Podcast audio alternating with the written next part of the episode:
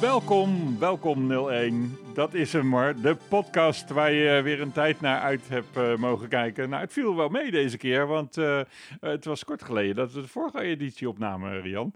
Goedendag. Hallo. Hoe is het? Ja, gaat goed hier. Hoe is het met jou? Ja, ik, uh, ik ga moedig door, uh, wat voor maatregelen er ook zijn. Ik zit ergens in een noodzakelijke procesafdeling van, van de gemeente. Dus ik heb wel weer geluk eigenlijk bij, bij alle toestanden. Dus ik mag iedereen nog steeds helpen. Nou, dat klinkt goed. Ja, ik zit nog steeds gewoon op de werkkamer. Op de derde verdieping maken we nog steeds elke maand een magazine. En we maken ook nog elke dag een website. Dus ja, want... Precies. Uh, AG Connect samen met de KNVI maakt deze mooie podcast. En uh, ja, daarin nemen we eigenlijk een beetje de behind the scenes van het maken van een blad door. En we bespreken terloops eigenlijk ook de inhoud. En uh, ik hoop dat we een beetje lachen ook met elkaar, hè, toch? ja, dat, dat kunnen we wel gebruiken in deze tijd ook. ja, laten we het wat leuk houden inderdaad. ja, ja. Uh, en we beginnen altijd even met een innovatie. Wat was jou opgevallen qua in, in innovatieland? Nou, wij hadden deze week een aantal artikelen over 6G. Eh, en hadden we toevallig ook nog een interview in, over het, uh, in het magazine. Uh, dus hey, 6G, hallo 6G. We zijn pas aan 5G toe. Waar ben je nou mee bezig? Ja, we lopen alweer tien jaar vooruit. Je moet een beetje ja. lopen als IT-vakblad, Tom. Oké. Ja, ja, maar dit is wel heel ver voor de muziek uit. Ja, nou, het Vertel, dat in 2030, nou uh, dus 2033 moet dan toch uh, die 6G uh, al uh, worden gebruikt. En dat lijkt heel ver, maar de expert die wij spraken en ook andere experts zeggen dat de overheid toch zich mee moet gaan bemoeien. Ook met ja, bijvoorbeeld frequenties en ook geld in moet steken. Want 5G, ik weet niet of je weet waar daar de innovatie vandaan komt. Uit welk land? Uh, ja, uh, nee, uit welk land? Het zal wel China zijn, hè, denk ik. Ja, dat klopt. Dus uh, we zijn nu afhankelijk van Chinese innovatie als het gaat om 5G. En dat zouden we eigenlijk bij, 5, bij 6G moeten voorkomen. En bij 4G ging dat eigenlijk nog best goed. Maar ja, over, um, bij 6G zeggen ze laten we het weer, weer voorop gaan lopen. Dus... Um, uh, ja, dat zeggen experts. Dus uh, dat is eigenlijk de innovatie van de week. Uh, Oké. Okay, heb jij nog een innovatie? Nou ja, ik, ik, ik kan wel even aanvullen dat de Nederlanders hebben natuurlijk veel voorop gelopen. Omdat zeg maar de wifi bijvoorbeeld, hè, dat is echt een Nederlandse vinding. Hè? En evenals de Bluetooth, hè, ook helemaal Nederlands begonnen. Dus dat is, dat is al super gaaf. Dus we hebben wel een paar mooie innovaties op ons konto staan. Maar waar ik even ehm, op in wilde haken is, ja, we, we, praten weliswaar over 6G als zijnde. Vandaar, daar kunnen we op papier al iets mee. En ik denk dat als het zo doorgaat, hè, je, wat, je, wat je ziet gebeuren is dat de zendmasten in aantal steeds meer toe moeten nemen, naarmate dat getalletje hoger wordt. Hè? Dus bij, bij 3G had je minder zendmasten nodig en bij 4G is het weer meer geworden. Hè? Dus ook wat meer geklaag en, en wat meer uh, angst hier en daar over stralingsachtige uh, toestanden. En um, uh, dus bij 5G, wat, um, daar, daar, daar wilde ik het even met je over hebben. Want 5G, uh, ehm, eh, bij bepaalde merken uh, telefoons kun je het nu al zien. Hè? Dus dan zie je in plaats van in je hoekje, zie je dan 4G, zie je dan 5G al staan. Maar ik, ik, ik heb daar een woord voor. Oh ja, welk woord heb je daarvoor? Ja. Dat is het woord wat ik dan wil gebruiken, is verpakkingsinnovatie. ik, ik, uh, we hadden dit even voorbesproken en toen noemde je hem al. En ik begin nu te vermoeden waar dit heen gaat. Maar wat bedoel je precies met Nou, ik, ik, ga het even, ja, ik ga het even uitleggen. Aan, kijk, innovatie is natuurlijk toch een soort vernieuwing. Hè, van, uh, dat het, en dat het dan beter, mooier, weet ik veel wat is. En bij verpakkingsinnovatie, ik vind het mooiste voorbeeld vind ik eigenlijk Mars. De, de, de, de reepjes? De, de chocoladereepjes. Uh, daar zie je dus allerlei innovaties. Maar eigenlijk is het vooral dat de verpakking anders wordt. dus je, je hebt steeds grotere marsen. Dan heb je twee marsen in één vakje, in één zakje, weet je wel. Dan heb je mini-marsjes. Dus je hebt, je hebt allerlei vormen van marsen. Maar eigenlijk is het gewoon in wezen alleen vooral de verpakking die verandert. Dus, dus ja, ook dat is een soort van innovatie. Nou, dan komen we terug op 4G en 5G.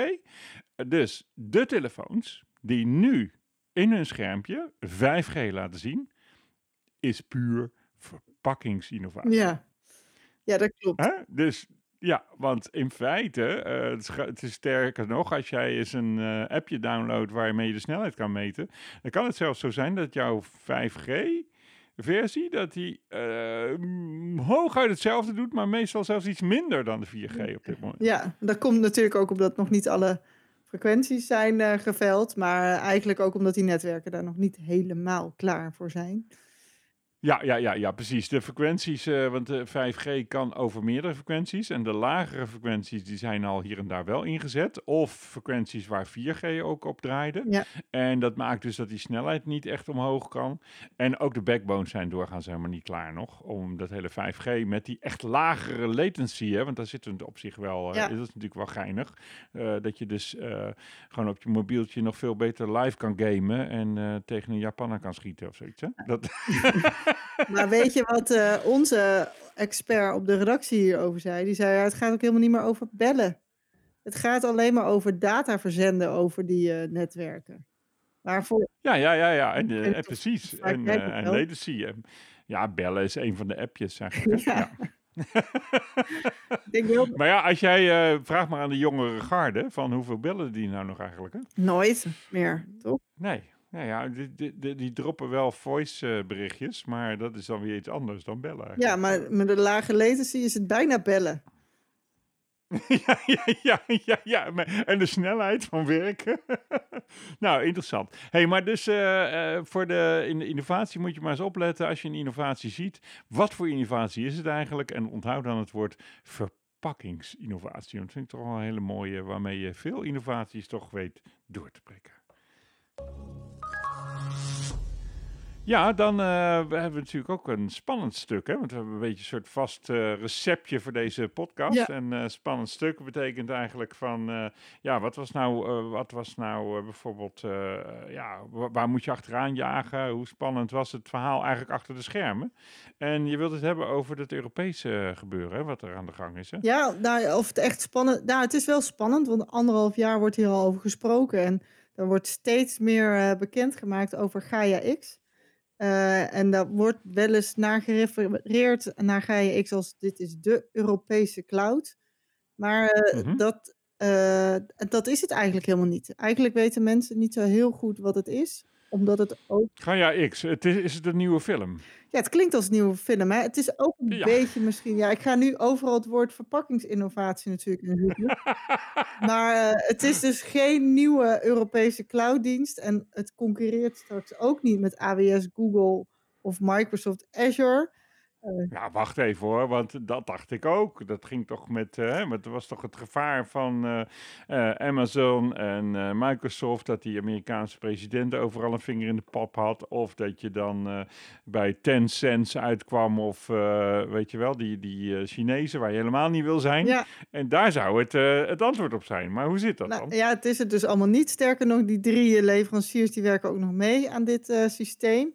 En nou lees ik heel even voor hoe uh, onze collega Eveline het heeft geformuleerd. En dan, uh, zij noemt het een digitaal gefedereerd uh, ecosysteem waarin verschillende aanbieders van dataopslag en infrastructuur aan elkaar gekoppeld worden. En eigenlijk is het dan dus een set van standaarden, beleidsregels, architecturen, waarin afspraken worden gemaakt over hoe je data uitwisselt. Want als je nu van de ene clouddienst naar de andere wil, uh, dat is niet heel makkelijk uh, uh, om dat te doen. En dat is eigenlijk waar, de, waar Europa mee aan de slag wil. Dat je dus makkelijker ja, van de ene clouddienst naar de andere wil, waardoor ook kleine en middelgrote en grote spelers ja, wat meer makkelijker met elkaar kunnen concurreren. Dus daar wordt aan gewerkt. En het goede aan dit initiatief is dan dat het ook dan volgens Europese standaarden en normen en waarden gaat. En inderdaad, wat je dan net zei over dat meekijken, die, uh, die privacy, dat is natuurlijk iets wat in Europa, uh, ja, waar wel wat hoog in het vaandel staat. Dus daar wordt wel op gelet dat, er, dat er niemand meekijkt. datasoevereiniteit bijvoorbeeld, van wie is de data? dat je controle hebt over je eigen data. Dus dat, ja, da daar wordt in. Je bent lekker bezig. Ik neem even een slokje thee. Ja, heel goed. Nee, maar dat is dus waar in, die, in dat Gaia X aan wordt gewerkt. Oké, ja. Dus, dus uh, het is nog niet zo'n, uh, zeg maar, een merk als in uh, dat het een eigen merk met datacenters is. Maar het is eigenlijk meer een soort van normenkader waaraan je moet voldoen om op Europees niveau lekker te interacteren. En eigenlijk toch langzamerhand moet het een uitweg zijn van eigenlijk een beetje de nekklem die je voelt als je op de Amerikaanse platformen zit. Ja, ja, Of de Chinezen. Ja, ja. oké. Ja, nou ja, dat is toch wel een interessante ontwikkeling. Want uh, dus het is geen concurrerend merk, maar het is eigenlijk alle Europese partijen kunnen daar mee uh, werken. Ja. Maar eigenlijk dus ook Microsoft, begrijp ik. Ja, die eh, zitten erin. Microsoft, AWS en Google werken daar aan mee. Ja, die willen natuurlijk ook, als er zo'n ehm, platform wordt neergezet of infrastructuur of zet een standaarden, die willen natuurlijk daar niet buiten vallen. Dus die, die doen mee. Eh, ja, nou ja, dat is wel spannend. Hoe dan toch die, uh, zeg maar die vinger in de pap van de Amerikaanse overheid uh, voorkomen wordt. Hè? Ja. Die is dan kennelijk nog niet helemaal gehaald, dat doel. Want ik dacht dat dat wel een van de doelen was. Om die hele vinger uit de pap ja, om te voorkomen dat hè, de, de Patriot Act, waarbij eigenlijk uh, iedere Amerikaanse burger gevraagd kan worden door zijn overheid van hé, hey, uh, jij werkt daar of daar, maakt me niet uit. Pak jij eens even die data op en speel dat eens even door aan ons. Ja, nee, dat, dat klopt. Ja, dat, ik weet ook niet of je daar echt uit gaat komen als je... Kijk, ze, het zijn natuurlijk al hele grote spelers, dus om iets te maken wat daar helemaal niet mee samenwerkt of concurreert of ze al niet meer te betrekken. Ik denk dat, dat, uh, dat, dat we daar een beetje te, te laat voor zijn. Je kan niet vanuit het niets een Europese techgigant nu op gaan bouwen. Uh, dus nee. je zou okay. met andere manieren moeten gaan komen. Ja, nou ja, het begint in ieder geval met deze, eigenlijk de, de normenset en de toetsingset. Ja. En uh, we, jullie volgen het natuurlijk uh, Zeker. nauwgezet. Zeker, want in Nederland okay. wordt daar ook al wat aan gewerkt in verschillende werkgroepen. Dus ook vanuit Nederland is er, wordt er al, nou, is er, is er al wat aan, de, ja, aan het gebeuren, zeg maar. Oké. Okay. Ja, dan uh, niet zo'n simpel onderwerp en uh, toch wel behoorlijke invloed. Dat is wat de politiek natuurlijk uh, betekent in IT-landschap. en jullie zijn dus even aan het scannen geweest welke politici zich nou een beetje interesseren voor de voor de informatietechnologie. Ja, uh, komen jullie eruit? Vinden jullie mensen die er wat van snappen? We hadden er vier die daar zich uh, aardig uh, mee... Uh, ik dacht dat er 75 mensen daar in die kamer zaten. Nou, 150 zelfs. 150 zelfs. Ja, ja, de meerderheid is 75. ja. Nee, 150. ja, 150. En nou ja, er zijn er vier. En je hebt er vier gevonden die IT-minded zijn. Ja, en we, en we, hebben eentje, die, we reiken ook al elk jaar IT-politicus van het jaar uit. Daar zijn we nu overigens mm -hmm. mee bezig. Nominaties worden opgehaald en straks is er nog een stemproces. En dan uh, eind januari zullen we bekendmaken wie het dit jaar of wie het in 2021 uh, eh, gaat worden. Let jij erop ja. trouwens als je gaat stemmen of een politicus waar jij op stemt of die beetje... Ja, uh, ik wel. Ja.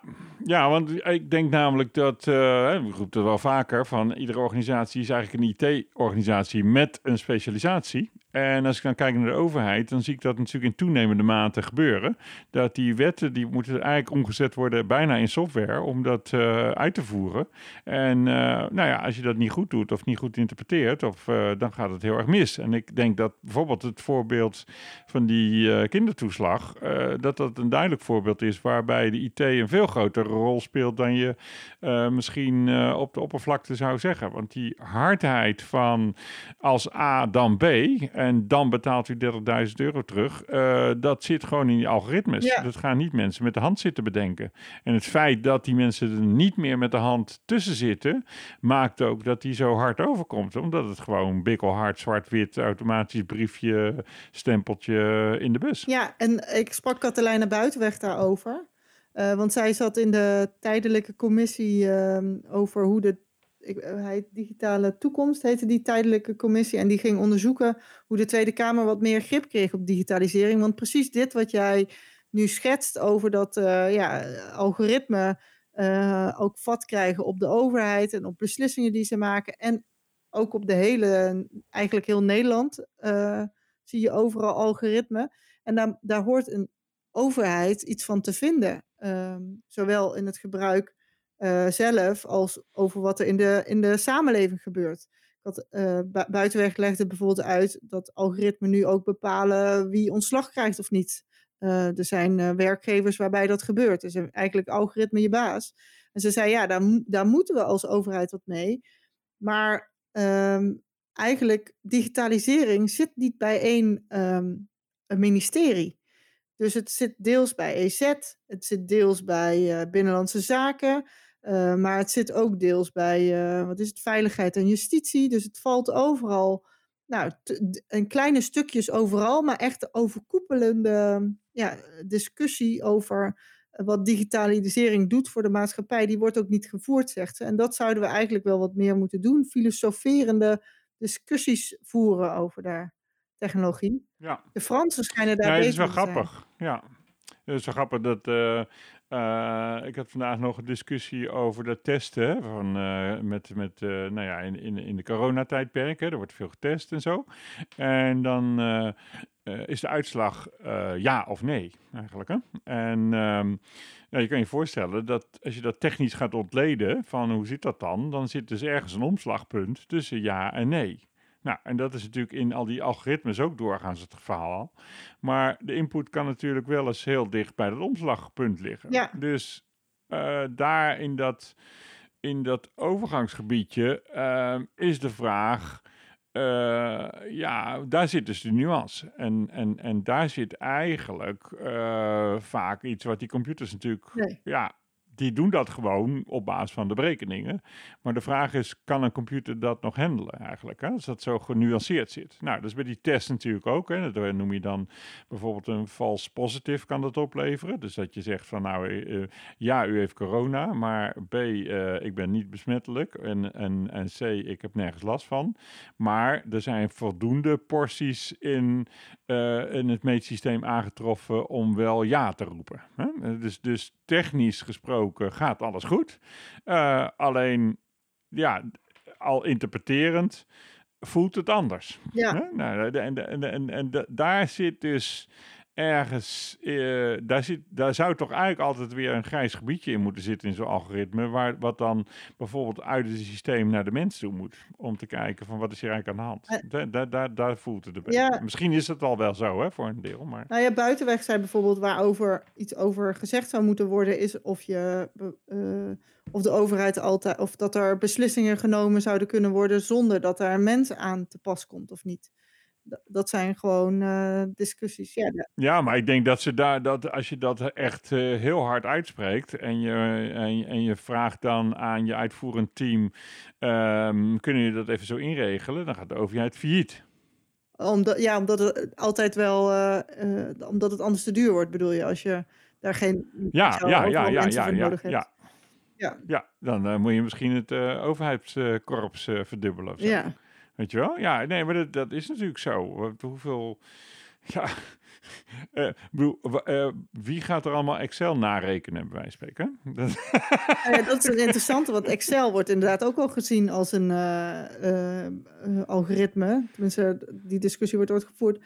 Maar de, de, binnen de Tweede Kamer wordt er in ieder geval weinig gedebatteerd over de invloed van digitalisering. En het gebeurt altijd achteraf. En eigenlijk zou je dit soort discussies ja. vooraf willen. Ja. Dus, uh, nou ja, in het proces zit wel een toetsingsmoment. Uh, uh, van er komt een wet en die is in aanbouw. En dan ehm, zit er ergens een toetsingsmoment door de uitvoeringsclub. en die schrijft er dan een, een soort van advies over. Maar het vervelende is dat na die advisering, dan is er nog, dan, dan is dat eind politieke spel. En de moties en veranderingen en aanpassingen die daar dus in plaatsvinden, die worden niet opnieuw getoetst. Dus die, die laatste duwtjes, ja, die kunnen natuurlijk de hele draai maken. Dat, dat, dat je daarmee dwars tegen in alle adviezen gaat. En dan kom je in zo'n modus waarin ook uh, zeg maar die uh, kindertoeslag terechtkomt. Omdat politiek dan even handig is, omdat er uh, Bulgaren hebben zitten. Ehm, hacken, zal ik maar zeggen. Dus daar hoop aan verdiend hebben door bijvoorbeeld vals te spelen.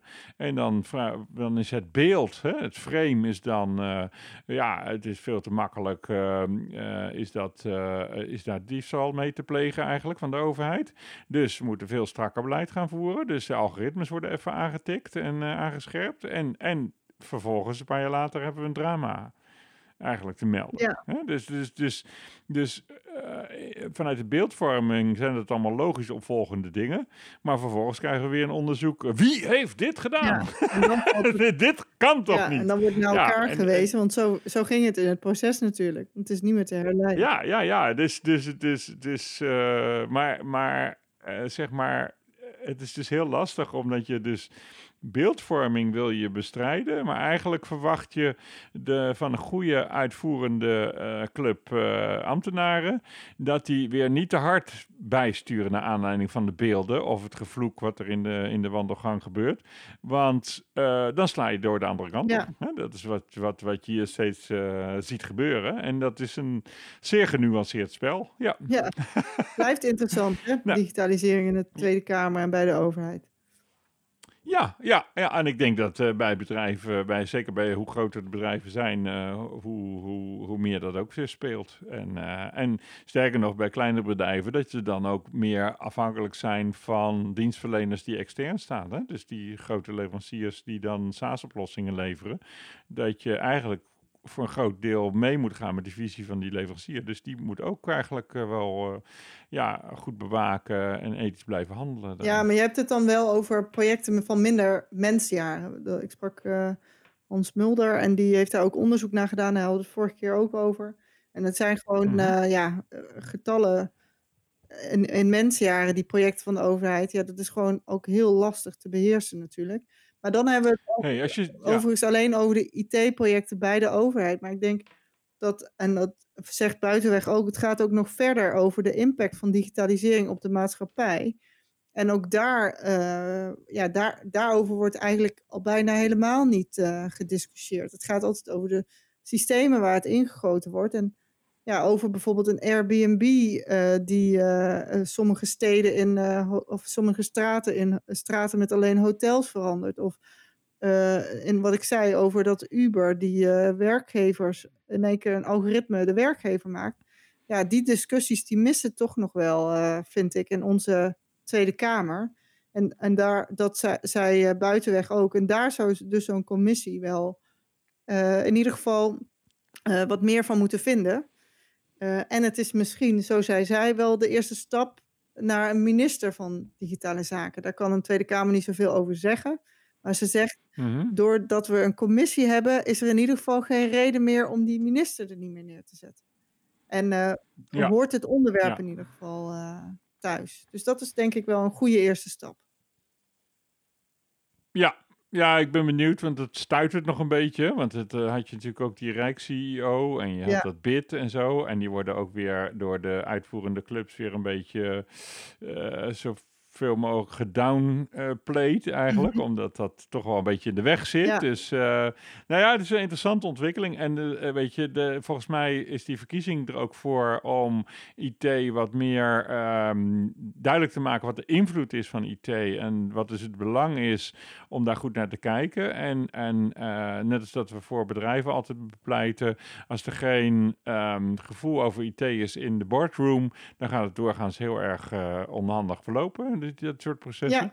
Ja. En dat geldt natuurlijk voor de Tweede Kamer als bestuurders van Nederland precies hetzelfde. Ja. En daarom uh, pleiten we voor uh, ja, meer kennis over IT en de effecten van IT in de Tweede Kamer. Ja, en, en die verkiezing, verkiezing helpt. Als je nu nog invloed wil uitoefenen, kun je dan, uh, wat moet je dan doen? nou, nu even Op de niet. verkiezing? ik, heb, ik heb een x aantal experts aangeschreven, best wel een aantal. Uh, waaronder ook de KNVI met de vraag of zij iemand willen nomineren. En daarvan maken we dan ja. een shortlist en dan kun je stemmen. En dat is ergens in de eerste twee weken van januari. Dus, uh, Oké, dus bestook gewoon ons. Uh, welkom 01 at ja. kvi.nl. Dan met dat mailadres. En dan kunnen wij de partijen die meedoen in die verkiezingen, kunnen wij even een beetje opstoken. Het is een beetje net als de kiesmannen, hè, heb ik het idee. ja, we hebben er wel een beetje getraps gemaakt. Maar ik geloof, ja. je kan niet naar de hogere rechter als je het er niet mee eens bent. Nee, maar oké, nou, gelukkig maar. Maar de KNVI is zeer beïnvloed door haar leden. En uh, dus uh, meld je vooral bij ons op de e-mail welkom 01 apenstaartknvi.nl. Dat is ons mailadres. Uh, daar kun je ook natuurlijk alle berichtjes kwijt die, uh, die je kwijt wil. Hè? Dus uh, we, we, we, houden enorm van complimenten en warmte voor de kerstdagen. Ja, en, ehm, maar we vinden het ook leuk als je een gave tip hebt. Van, hey, heb het daar eens over. Of dat moet in het blad. Of je moet zelf in blad. Of vind je, je hebt al wat te vertellen. Hè? Wees welkom. Voel je welkom in Welkom 01. ja, nou, mooi onderwerp hoor. Zo. Ja, en moet oppassen dat ik niet te veel op mijn praatstoel ga zitten, want die tijd vliegt voorbij. Hè? En uh, ja, je rijdt natuurlijk nou niet van huis naar werk of uh, vice versa doorgaans, maar je bent uh, nu aan het wandelen met je oordopjes in of zo. Hè? Dat je denkt van ik moet er even uit en ik wil toch een beetje entertainment, dus dan luister je naar ons. En het volgende onderwerp gaat over gein, dus dat is goed voor tijdens het wandelen, een beetje te ontspannen. Ja. En, want wij... ik, moest al, ik moet al lachen hoor. Want wij zaten vorige week of zo, was het, uh, zaten we ineens in een televisieuitzending ja, met z'n twee. Zaten we daar en toen kwam jij in één keer ook met taart. Dat was een heel item voor de televisieuitzending al, die taart. Ja, ja. Ja, dus, uh... ja, het moet een beetje beeldend zijn, hè, televisie. Dan moet het, ja. uh, kijk, nu, nu zitten we gewoon alleen voor het audio, dus we zitten gewoon met een simpel kopje thee. Maar dat taart was, ook. Nee. Nee, nee gewoon uh, nee, dat is allemaal wat, uh, wat uh, minder minder mooi. Ja, maar die taart, dat was toen uh, was ook een beetje in de boodschap van... hey, zo'n taart, dat staat voor de KNVI 2021... waarbij we duidelijk tien evenementen neerzetten met een super gave inhoud... en waar die interessant zijn voor iedereen. En nou, de eerste drie zijn echt wel helemaal klaar. De planning van het heel jaar ligt al klaar. Gaan we begin januari gaan we dat uh, bekendmaken. Uh, want het moet nog even door het bestuur heen. Daar zit ik ook binnenkort mee aan tafel. Dus, maar die hebben natuurlijk al een preview gezet die worden steeds enthousiaster. Hè? Dus, dus wat dat betreft uh, geen zorgen. En, en daar houden we dus ook een beetje rekening met, uh, met de inhoud van het blad. Hè? Proberen we ook met uh, af te stemmen. Ja. Dus dat is helemaal... En het bestuur heb je taart gegeven, want die zag ik wel. ik zag het bestuur ook bij die televisieuitzending. Misschien moet je even, ja. even uitleggen wat die televisieuitzending precies was. Hoe kwamen wij oh, ja, in die televisieuitzending terecht?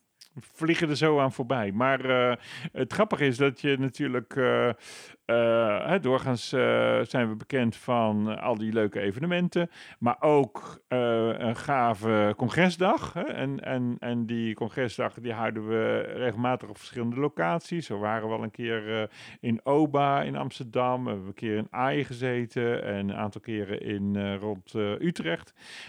kortom, um, ja, zo gaan we een beetje door het land heen. En nu zaten we natuurlijk allemaal thuis. Dus we hadden bedacht, uh, ja, je moet eigenlijk, uh, moet je ons een beetje relaxed kunnen consumeren. Dus niet op laptopjes en zo, maar gewoon op je tv. Dus we hebben eigenlijk uh, eh, KVI-tv hebben we gemaakt. En we hebben dat Smart Humanity genoemd. Hè? Dus als jij googelt en je zoekt even Smart Humanity TV of KVI, dan kom je bij ons terecht op ons YouTube-kanaal. Kanaal. En we zijn al die verschillende uitzendingen die we door de dag heen hebben gemaakt uh, aan het losknippen. Of die staan al los, dus kun je ook vinden.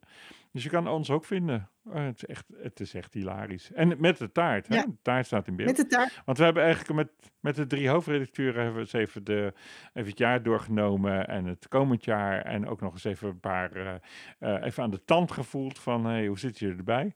Maar uh, jij was de enige die echt naar de studio durfde te komen. Die anderen die dachten, ik blijf lekker thuis. Ja, ja dat klopt. maar dat, is natuurlijk ook heel mooi als je in één keer in een tv-studio uh, terecht kan komen. Dus uh, dat laat ik dan niet aan me voorbij gaan natuurlijk. En er waren ook mooie sprekers gedurende de hele dag. Martijn Aslander was er. Ik heb de documentaire ja. Toegang was het nog een keer voorbij zien komen. er werd een boek gepresenteerd, begreep ik. Dus ja, ja, ja, nieuw boek, uh, Smart Humanity. Uh, dat is eigenlijk uh, een, onder redactie van Wouter en Sandra, twee bestuurders van KVI.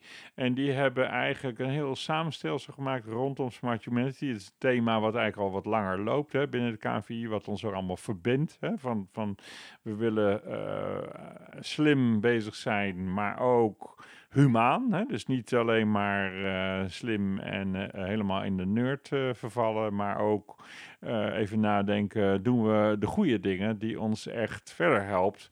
Of helpen we van, van, van de bal in de sloot ja. de boel? Eigenlijk waar we het net over hadden, hè? over die kindertoestanden. Ja, ja, ja. ja, ja. En, de, en, de, en de kunst is om dat in het klein te doen. Uh, want daarmee wordt het vanzelf groter als iedereen dat doet. Ja, het is, uh, mooi thema. Ja, dat, ja, dat is zeker. En, en nou, ik sprak later die dag sprak ook nog met uh, Jacqueline Rutjes en André Plat. En Jacqueline die is voor de Rijksoverheid bezig. En André die doet het dan weer voor de gemeentes om beleid neer te zetten rondom IT-onderwerpen. en ja, kortom, hele leuke gesprekken eigenlijk. Uh, ik vond Martijn trouwens ook leuk, dat gesprek. Uh, later in de avond hebben we nog internationale uh, gesprekstoffen op tafel gehad met Frits Busmaker en, en, en, een aantal internationale gasten. Wat ook weer super gaaf was, want dat ging eigenlijk over de ja, de hogere doelen. Hè? De, de, uh, de Verenigde Naties die hebben zo'n uh, zo'n aantal doelen geformuleerd. En uh, daar hebben ze eens gekeken van op welke doelen heeft IT nou invloed eigenlijk. En ja, het is ook een heel interessant gesprek. Dus ik zal wat linkjes zetten in, in de bijlage van deze podcast. En dan de, de show notes. Ja. Yes. en dus leef je uit en geniet ervan. het is echt even iets om, om eens rustig voor te gaan zitten dus je moet eigenlijk dat niet achter je laptopje doen, want dan krijg je weer vierkante ogen. Je moet even, even aansluiten op je tv of uh, onderuit hangen. dat je daar even ja, over tv gesproken. Ik zat dus vandaag te kijken naar uh, Reinvent van eh, AWS, dus grote gebruikersbijeenkomst.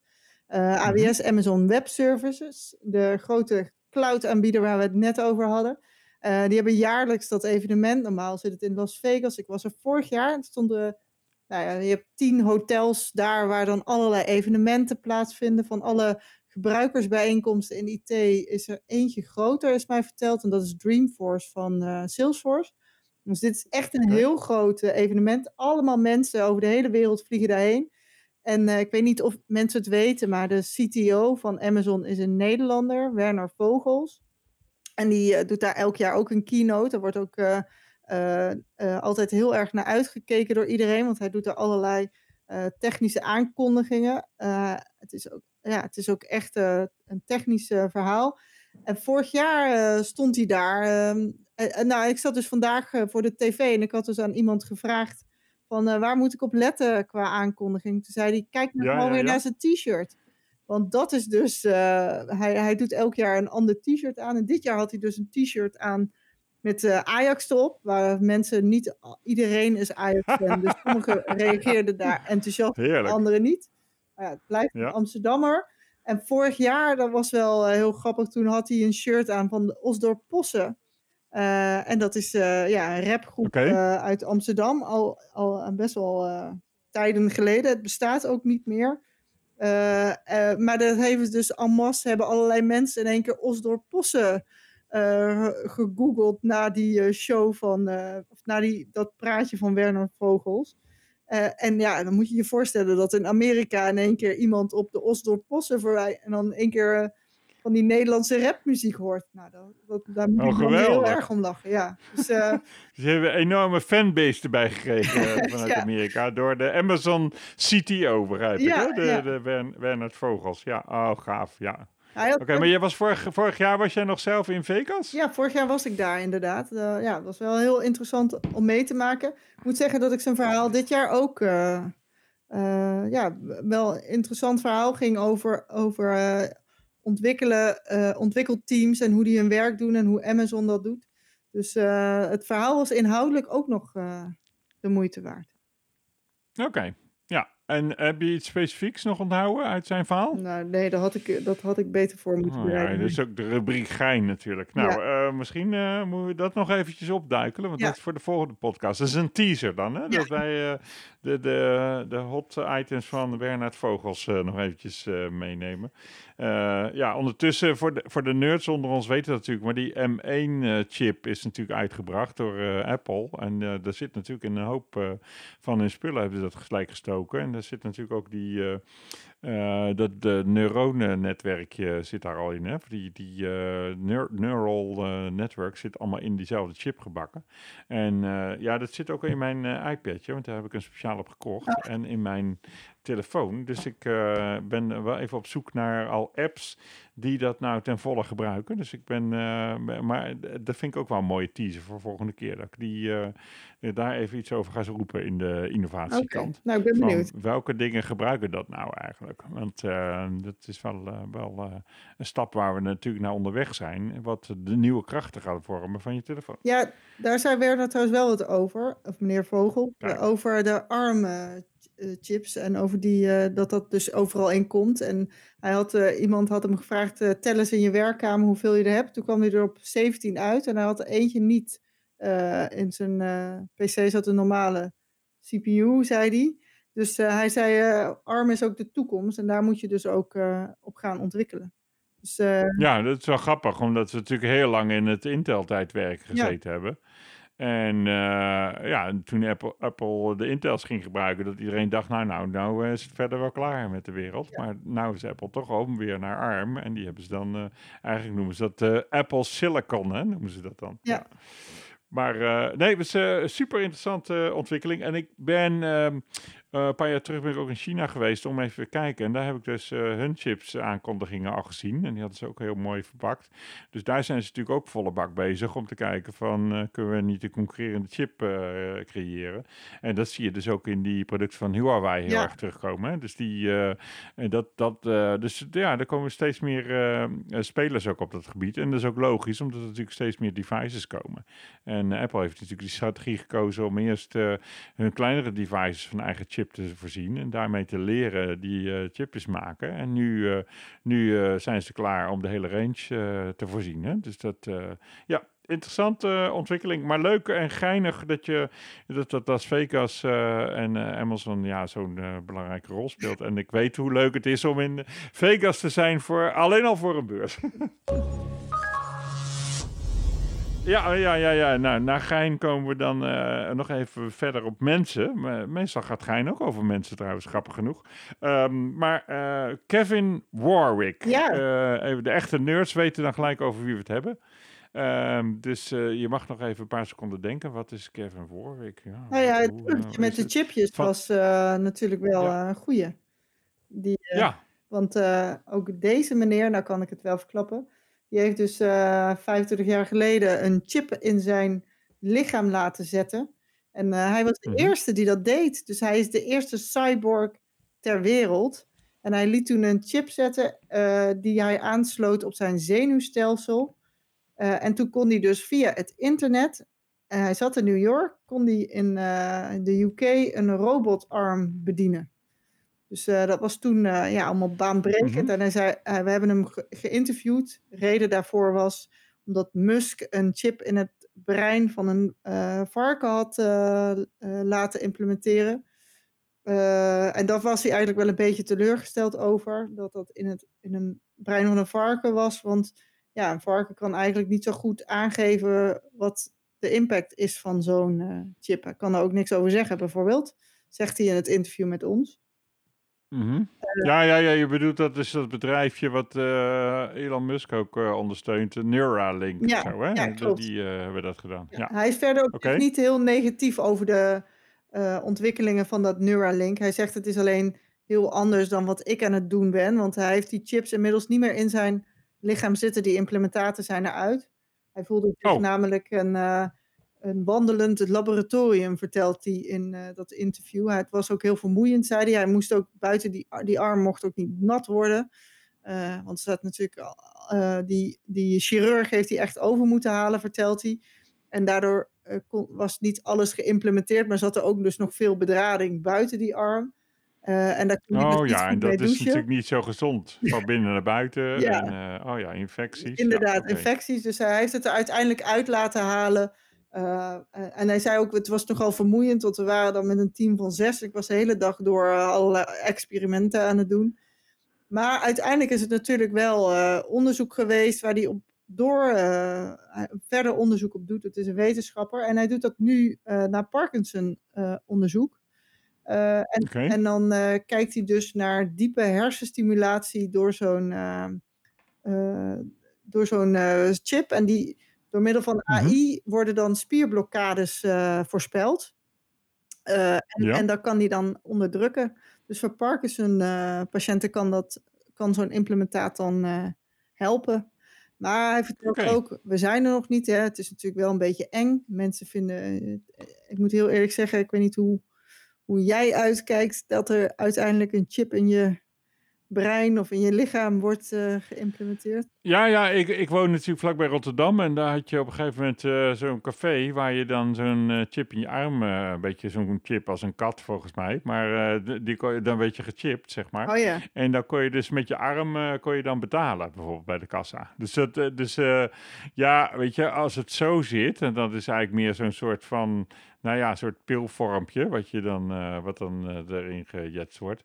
Dan denk ik dat is allemaal nog te overzien. Ja. Maar als je inderdaad interactie krijgt uh, met je lijf, ja, dat is toch wel, ja, dat is natuurlijk super interessant op het moment dat je iets mist.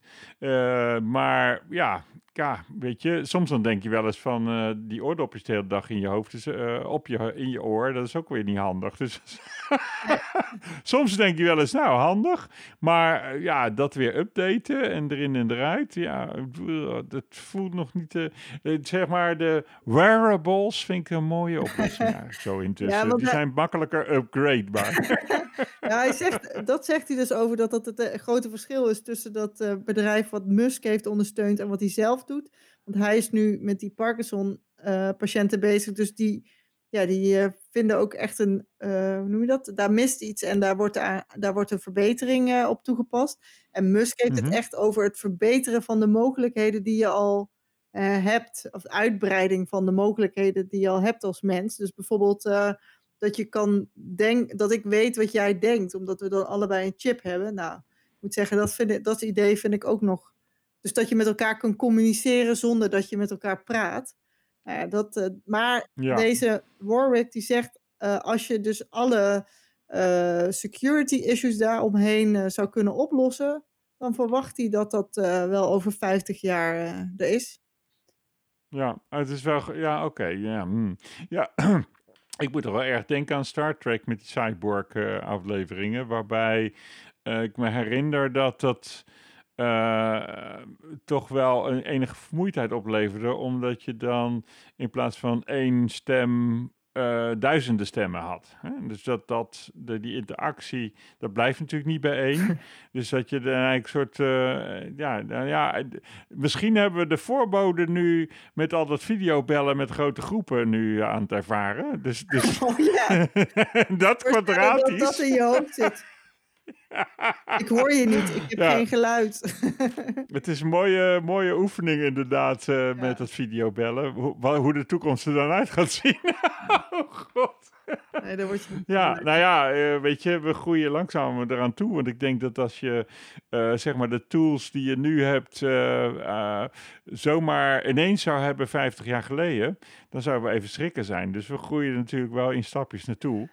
En, uh, maar we moeten er nog heel erg mee omgaan. Hè? Want uh, ik, ik hoor nu steeds meer uh, soort afkick um, mogelijkheden van je telefoon. En van je social media gebruik. Ja. Dus, dus, en dat heeft ook om, om te gaan met eigenlijk hè, daar waar de sigarettenindustrie dat met chemische stofjes deed.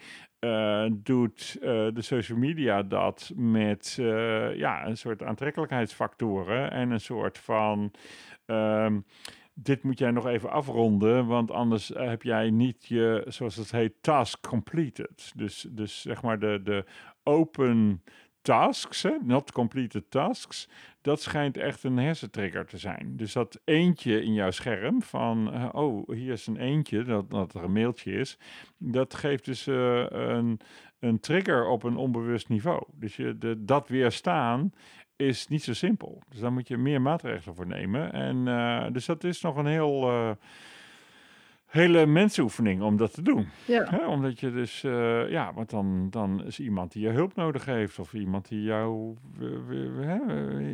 op zoek is naar een verbinding met jou. En terwijl het eigenlijk voor een groot deel natuurlijk een soort van nou ja, mindfuck is eigenlijk. Hè?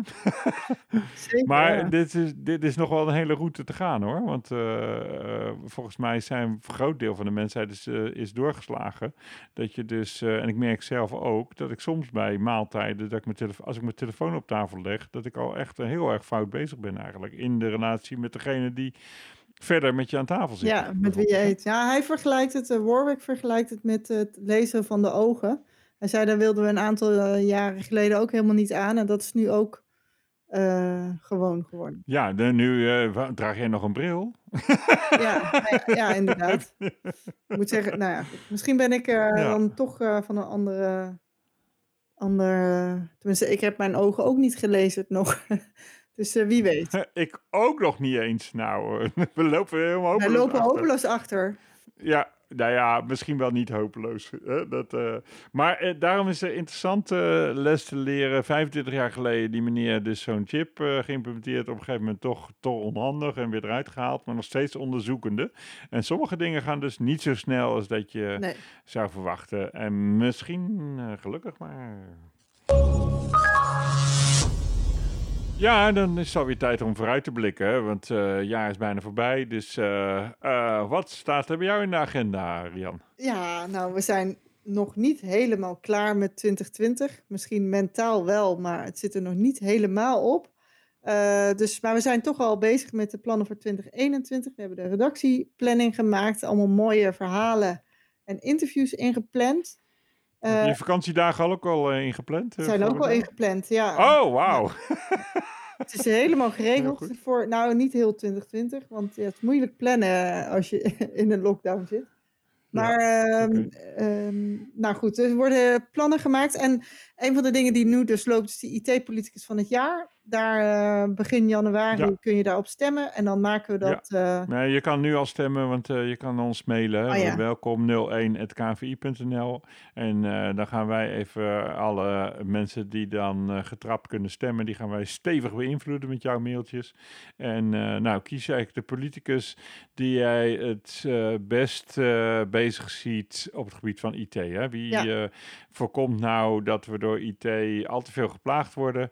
En wie houdt er het beste rekening mee en, en gebruikt IT ook in zijn beleid? Hè? Want, dat, ja. want anders dan uh, blijft IT die dingen die alleen maar misgaan. Maar volgens mij is IT juist de grote kracht om te voorkomen dat we al te veel ambtenaren nodig hebben ook. Ja, inderdaad. Dus wie maakt de meeste impact? Dus daar, ja. daar gaan we, dat doen we, nou, daar, we horen daar heel graag de mening over. Dat wordt nu uitgezocht maken we bekend in nummer drie van dit jaar. Ja. hey, trouwens, ik kreeg een mailtje van jou uh, onlangs. En dan moest ik ineens op uh, invullen welke opleidingen ik gedaan had en dat soort dingen. En of ik certificaten belangrijk vond en dat soort dingen. Dus ja. je bent uh, natuurlijk aan het onderzoeken weer. En wanneer komt dat tevoorschijn? Dat, ja, dat komt het eerste nummer tevoorschijn. Kun je nog invullen. Inderdaad, goed dat je dat noemt, Tom. En dan kun je inderdaad aangeven wat je opleidingswensen zijn. En dat is voor ons belangrijk om te weten. Want vorig jaar kwam daar bijvoorbeeld uit dat IT'ers het moeilijk vinden om bij te blijven. En uh, dat ze die druk zo hoog vinden dat ze de sector uit willen stappen. Dus, en dat geeft oh. werkgevers natuurlijk allerlei uh, munitie om dat anders in te richten. En daar hebben ja. we nu ook nog een serie over. Dus we doen ook nog iets met die uitkomsten. En, de, en dan kijken we hoe, hoe we werkgevers daar weer bij kunnen Ja, het mag ook wel wat leuker dan alleen maar zo'n boek en zo'n uh, zender. Uh, hè? Heb, je de, heb je nog mooie voorbeelden van andere vormen van lesgeven? Ja, zeker. Je, nee, we, inderdaad, we zoeken naar andere vormen dan voor zo'n scherm zitten. Weer de zoveelste opleidingssessie. Nee, uh, Eveline, mijn collega, maakt daar een mooie serie over. Bijvoorbeeld Capture the Flag doet één bedrijf om bij oh, te blijven. Hackathon. Een soort spelvorm eigenlijk, hè? Ja, ja inderdaad. Hackathon, ja, noem die ook al. Ja, dat is natuurlijk uh, samen uh, even in een pressure cooker een, uh, een stap zetten in de ontwikkeling van iets. Ja, ja. Ah, dat is een mooie vorm. Ja. En hebben Leuk. jullie nog En ook als team. Ja. Hebben jullie... wij, wij, hebben zeker plannen, want we zijn natuurlijk, we hadden het eerder al over de taart. En de taart komt dus ook echt naar je toe. En dat gebeurt eigenlijk standaard de eerste dinsdag van elke maand. Beginnen we dan in februari mee. Uh, januari hebben we nog ergens een nieuwjaarsborrel. En dan uh, presenteren we eigenlijk die hele taart voor het jaar. En de eerste uh, drie punten van de taart is dan 2 februari, 2 maart en dan 6 april. Ehm, en dan hebben we het onder andere over ja, die driehoek van mens, veiligheid in thuiswerken en technologie. Ehm, daar gaan we het in februari over hebben. In maart gaan we het echt over de verschillen tussen digitalisering en de digitale digitale transformatie hebben. Dus uh, vandaag al een mooi voorbeeld gehoord van dat, uh, dat digitaal ontslaan van mensen, die dat ze bij Uber zo'n beetje doen. Hè? Als je te weinig uh, likes hebt van je klanten, dan word je eruit gemikt. Ja, ja dat is natuurlijk een, een slag, daar zit ook wel ergens een grens aan. Um, en in april gaan we het dan hebben over automatiseren van allerlei processen. En dat doen we dan in het klein, maar dat gaat zo groot totdat we uitkomen bij fabriek 4.0. Okay. 4.0. Dat is dus eigenlijk, uh, ja, uh, zeg maar, hoe kun je van alles laten fabriceren zonder dat je zelf een fabriek hebt, eigenlijk. En waarbij je dus allerlei fabrieken met elkaar samen laat werken. En uh, ja, dat is gaaf, want ik, ik heb dat zelf mogen zien in China trouwens. En het werd helemaal uitgestippeld.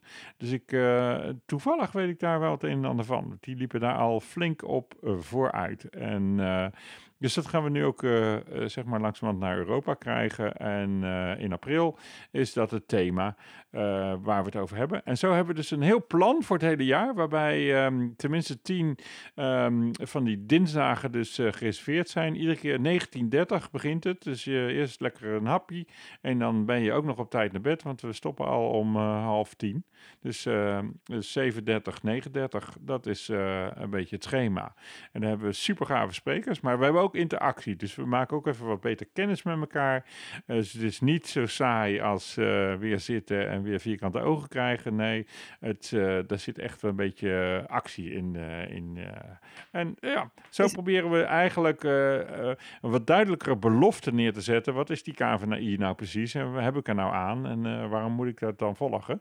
En wanneer is dat dan? Want we hadden daarvoor moest je soms een beetje zoeken van waar is het nou precies en hoe moet ik dat vinden. En daar komt er gewoon wat meer eenheid in en duidelijkheid. En dat uh, gaat ons helpen, denk ik, uh, om uh, met meer lol en meer mensen gezamenlijk dat gevoel te hebben. Je staat er niet alleen voor, je bent in een grote groep van informatieprofessionals. En dat is de KVI. En dus dat is net iets anders dan die voetbalclub. is het live of is het digitaal? Het is live. Het is wel, uh, het is live en digitaal. Dus we, we, doen in principe altijd hybride. Dat uh, doen we het hele jaar. Uh, en ja, een beetje afhankelijk van wat de regels op dat moment zijn, kunnen we meer of minder fysiek doen. Maar de, de, de, basis is, we beginnen het hele jaar door. De belofte is voor 2021, we zijn altijd hybride. Dus je kan het op twee manieren aanhaken. Hm, interessant. Ja, ja. Zeker. Heel mooi. Uh, en de sprekers zijn en de mensen zijn natuurlijk allemaal live. Hè? Dus niet uh, dat je alleen maar naar opnames zit te kijken. Nee, het is allemaal live. Je kan vragen dus, stellen. Ja, ja, je kan iets gooien en vragen stellen, uh, whatever. Ja. nee, maar dat is dus de taart. En uh, misschien komen we nog allemaal... De, nee, niet misschien. Er zijn nog allerlei uh, kersen die daaromheen georganiseerd worden. En die blijven zo chaotisch als dat ze altijd waren. Dus die kersen, die moet je een beetje zoeken hier en daar. Maar de taart is heel duidelijk vindbaar. Hè? Dat is het idee. Maar de kersen zijn wel de kersen op de taart. Ook al is het ja, ja, zeker. Dus het is de moeite waard. En als je dus de taart volgt, dan krijg je dus ook goed informatie. Waar zijn die kersen precies? Hè? Die hebben natuurlijk wel enige verbinding met elkaar. Nou, oh god. Um, wat vindt het publiek ervan? nou, ja. ja, ze zijn blij. Zijn jullie echt blij? Maar zijn, kunnen jullie ook zeggen van, nou, dat je heel erg blij bent? Ja, oh ja. Jongens, een beetje uit elkaar blijven, hè, met de veiligheid in acht nemen. hey, dankjewel, uh, zou ik zeggen, voor vandaag. En uh, we zitten elkaar in het nieuwe jaar. Yes, tot ziens. Dankjewel. Doei. Hoi.